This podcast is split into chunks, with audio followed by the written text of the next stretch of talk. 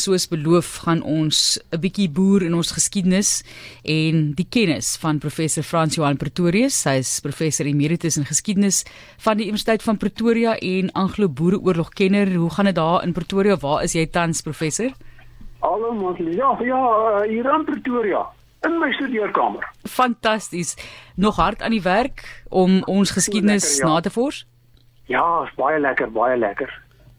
Kom ons gesels net oor jou liefde ook vir geskiedenis. Kom ons gaan terug na jou kinderjare toe. Ek weet ek was baie lief vir geskiedenis op skool, maar om te sê jy wil spesialiseer eendag, hoekom het jy daai rigting gekies? Weet jy, uh dit is nou miskien al van tevore gepubliseer, maar dit kom van ver af. Jy weet, uh, my pa was 'n bankamptenaar, maar hy was baie lief vir geskiedenis. En ons het baie rondgetrek, so ek het uh, by hele paar laerskole en hoërskole, twee hoërskole bygewoon, maar van kleins af, van voorskool af, het pa vir my uh, gelees van kinderhelde van die Afrikaner en so Dirkie Uys en Rageltjie de Beer wat natuurlik uh, fiktief is later het hulle uitgevind en uh, Tini Oosthuis en en, en, en, Japie Gruiling en al daardie soort dinge. Dit het my vreeslik ge, uh uh aangegryp en dit het aangeloop. Ek sou sê in my standaard 3 jaar of graad 5 hier in 1959 het al hierdie dinge so bymekaar gekom. Ek ek ek wil dit so stel um So 10 12 jaar gelede het Daleen Potgieter vir my gesê en ek gaan nou 'n vreeslike windie ding sê. Sy sê vir my jy toe jy in staan 3 was gesê jy wil eendag 'n professor in geskiedenis word. Nou dis 'n verskriklike ding om te sê, maar terugkykend, my pa het vir my gesê dis 'n rigting wat jy kan doen. Jy kan 'n professor word. Maar goed, ek ek het van van 3 af geweet ek wil geskiedenis doen. En wat het dan daai jaar gebeur wat my so aangegryp het? Ons is daai jaar af na Taal toe en op pad het ons by Majuba aan die voet van Majuba by ou Neil se huis aangegaan waar die vrede geteken is na die slag van Amajuba. En op die uh, stoep was daar 'n foto gewees van hierdie klomp ouens op president Brandt en die Britte en die Transvaalers Paul Kreer se naam was vir my groot en ek het op die plekkie gaan staan waar Paul Kreer op daai foto gestaan het voor die huisie. Dit het my aangegryp. So daai so 'n ding. En daai selfe jaar het my pa en ek en susters Karen en Ronel soms saam het ons die Magaliesberg bestorm. Daar teen die berg opgegaan by Komando Nek die Britse blokhuise besoek. En ek onthou spesifiek in 1959 het ons by so 'n uh, uh, uh, so 'n uh, uh, stapeltjie gekom en so 'n half maan van so 10 meter lank wat die Engelse 'n picket noem waar daar nou Britse soldate uitgekyk het daar na die suide waar boere is. En daar kry ek toe nou 'n 'n knoopie van 'n uniform. En ek grawe dieper van 'n sagte grond en hier kom ek af op omtrent 'n hele sak vol perskipitte wat daai tommie wat daar gelê het geëet het rondom sê die uh, Desember 1901. Jy weet dan voel jy een met daai ouens en dit het so gebeur. En toe die groot hoogtepunt wat ek nou al van tevore vertel het is toe ons in omgewingsgeskiedenis in daai stande 3 jaar by meneer Skieke leer van die wetse ontsnapping oor die Magaliesberg in die Anglo-Boereoorlog in 1900. Nou, dit het my so aangegryp dat ek my pa vertel 2 jaar later in staat 5 het het 'n onderwyser meneer Gertjie Smit ons teen die berg opgevat. Hy het op daai plaas Bokfontein groot geword op die spoor waar die wet gegaan het. En in my honeursjare op universiteit want ek wou altyd geskiedenis hoor moes ek 'n skripsie van eie keuse doen en ek kies toe daai ontsnapping van die wet en dit het vir 'n MA uitgebrei oor die eerste dryfjag op te wet wat daar suid van Bethlehem gejaag is deur die Britte verby Lindley, Kroonstad, Parys, Potchefstroom tot by Rustenburg en toe wil hy teruggaan en toe word dit in die Magaliesberg vasgekeer en hy ontsnap toe met 246 perde ruiters. So daai word toe nou my geskiedenis. Ek is toe onlosmaaklik in die Anglo-Boereoorlog eintlik uit daardie geskiedenisles in standaard 3 ek wil net sê dat as ek nou in 'n lokaal moes sit waar jy professor is, het ek nou geskiedenis verder studeer want die passie waarmee jy praat professor professor Frans Johan Pretorius aan die woord en Jy is 'n ou tikkie, jy het ook oor see in Nederland verder gaan studeer en verskeie toekenninge al ontvang soos vir die komando lewe tydens die Anglo-Boereoorlog 1899 tot 1902 en baie bekend vir daardie topverkoper Verskroeide Aarde om dit nie net weer te gee nie maar om boeke daarvan saam te stel. Hoekom het jy besluit om pen op papier te plaas? Jong, skryf kom seker maar uit 'n ou se gene uit. Ek het 'n liewe moeder gehad. My ma Babs Pretorius was was 'n uh gerekende digter in haar tyd in die woordgilde het sy baie gedigte uh, gepubliseer gekry en sy het ook het die Bybel toekenning gekry in 'n stadium. Sy was ook in die vroeg 80s deel van die musiek en liriek beweging. Sy het lirieke geskryf vir Janie de Tooy omtrent 130 vir uh Janita Klasen en uh, Manuel Escorcio en so. So skryf kom van seker uit seker van haar af en dit is 'n lekker dingetjie. Ek het altyd opstelle geniet. Ek onthou hier op laerskool as ons 'n opstel moet doen, ons moes een keer 'n opstel doen oor gered van 'n waterdood. En my eerste sinnetjie is ek is Noag. Met ander woorde, die geskiedenis was altyd deel van my. Of 'n ou muntstuk vertel. En dis ek een van die 30 sikkel silwer waarmee Judas Jesus omgekoop het. So geskiedenis is so deel van my denke dat skryf daarmee kom dan saam. Dit kan nie anders nie. Die reaksie op verskroeide aarde professor, byvoorbeeld die TV-reeks wat saam met ehm um, oor 'n lede uh, Herman Binge gedoen is.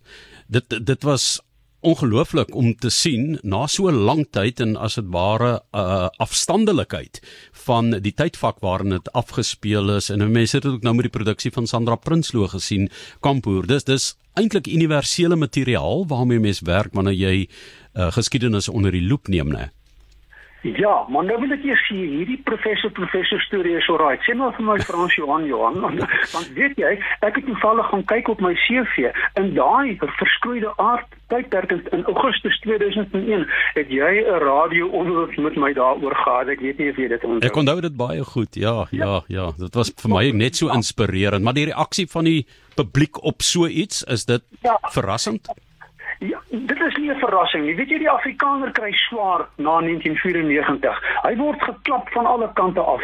En dit is dan net logies dat 'n ou teruggaan na jou wortels en kyk en dan sien jy hy nou ons is ook benadeel. Ek amper amper sê ek bedonder, maar ek sal dit nou nie sê nie. Ons is ook benadeel in die geskiedenis en dit het vir ons so 'n soort van 'n kapstok geword waarin ons ons verlede kan heg om vir mense te sê ja, ons is jammer, julle kry het swaar gekry, maar onthou ons het ook swaar gekry. So die Anglo-Boereoorlog is daai versamelpunt vir alles wat met die Afrikaner gebeur het. Wanneer 'n mens kyk na byvoorbeeld die nuutste debat oor die taalmonument, moet 'n mens die mondering hê, met ander woorde die geskiedenis ken om 'n behoorlike argument op die tafel te plaas. Uh, weet ons mense genoeg van die geskiedenis? Wel behalwe dat die die minister van uh, soos wat uh, Willem uh, uh, Blou Willem sê die kultuurminister uh, soos wat hy niks weet van die geskiedenis of of niks wil weet van die gediversifiseerde geskiedenis van Suid-Afrika nie. Is ek bekommerd oor ons Afrikaanse mense se eie kennis daarvan. Ek weet nie of halwe kennis gevaarliker is as geen kennis nie, want party van hierdie ouens gaan daarom hulle hulle vat 'n konsentrasiekamp gebeurtenis en hulle maak iets daarvan merkwaardigs. Maar dit is waar ons mense se kennis en veral die konteks waarin dinge gebeur het is vir meeste mense verlore. Vir hulle soos ek al dikwels gesê het, is die Anglo-Boereoorlog erns daar in die verlede kort na die middeleeue eh, en en en net na die renessans of iets van die aard. Jy weet so eh, die konteks waarin gebeure plaasgevind om iets te verstaan waarom dit plaasgevind het ontbreek by baie mense en ek sê so graag wou hê dat hierdie media wat kinders deesdae het die rekenaar voor hulle met al hulle YouTubes en ek weet nie wat alles nie, dat hulle daardie middele gebruik om meer te weet van wat in die verlede gebeur het, want wat vandag gebeur is môre hulle geskiedenis. Hoekom leer mense nie uit die geskiedenis nie? Dit word so so baie gesê, mense leer nie uit die geskiedenis nie. Hoekom herhaal ons dan nou dieselfde foute? Daardie leer is net blyk my vir 'n paar mense beskore wat dit regtig intensief bestudeer. Maar die oor die algemeen wil mense nie leer nie want die mense wese is so dat hy dieselfde foute as die vorige geslag gaan maak behalwe die paar ouens wat kan waarsku en sê persop daarvoor persop hiervoor persop daarvoor. Maar is waar. Mense leer nie uit die verlede uit nie. En dit is so pynlik vir my.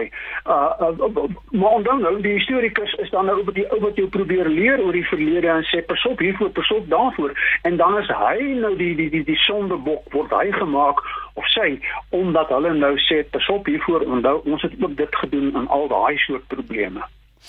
Geskiedenisonderwysers wat dalk luister, hoe belangrik is die interpretasie en die vertolking dan daarvan in 'n klasgee situasie of in 'n lesing situasie?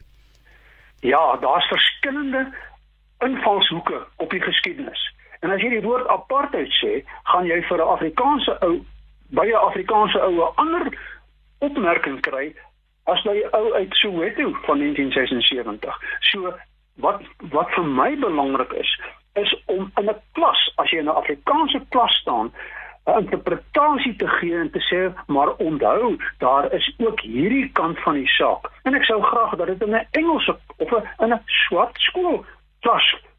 Onthou daar is ook hierdie interpretasie hierdie wit mense het dit gedoen maar onthou dit en dit kom uit die woordjie maar en dit is wat my Nederlandse studie vir my geleer het die Hollanders het altyd jy sal altyd en hulle sê ja maar en daai woordjie maar is so belangrik om daai nuances uit te wys in jou menswees. Jy het vanmôre nie lekker gevoel nie, maar gelukkig het jy aangegaan. Onthou daai woordjie maar, daai woordjie maar in die geskiedenis is vir ons 'n oplossing om die verlede en die hede te verstaan. Uh, moet 'n mens is dit verkeerd wil ek amper vra om te verander en om aan te pas of moet 'n mens nou as jy in 1960 besluit het dit is jou beginsel, dis waarby jy staan. Mag 'n mens verander? Mag jy leer en verder leer uit die geskiedenis sodat jy as mens ook kan aanpas? Met ander woorde, wat het Frans Johan Pretorius laat verander en laat bly verander?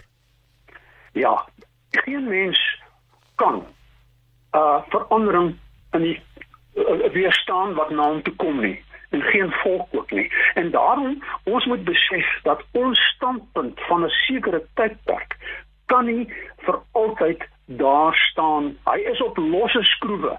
Jou jou, jou situasie verander. Ek meen hier kom 'n brander en hy slaan jou daar in die see, maar hy trek terug. En as die oomblik as hy jou slaan, dan is dit erg maar onthou hy gaan terugtrek.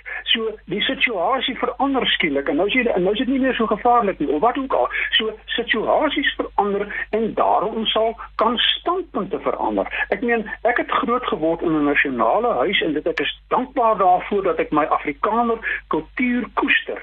Maar dit is ook waar dat ek nou na hoeveel jaar kan besef, weet jy, Hoe het ons nie swart mense se menswaardigheid aangetas met hierdie beleid wat ons gedink het en wat ons ouers gedink het is eintlik die oplossing vir alles nie. Ja, verandering is dringend nodig.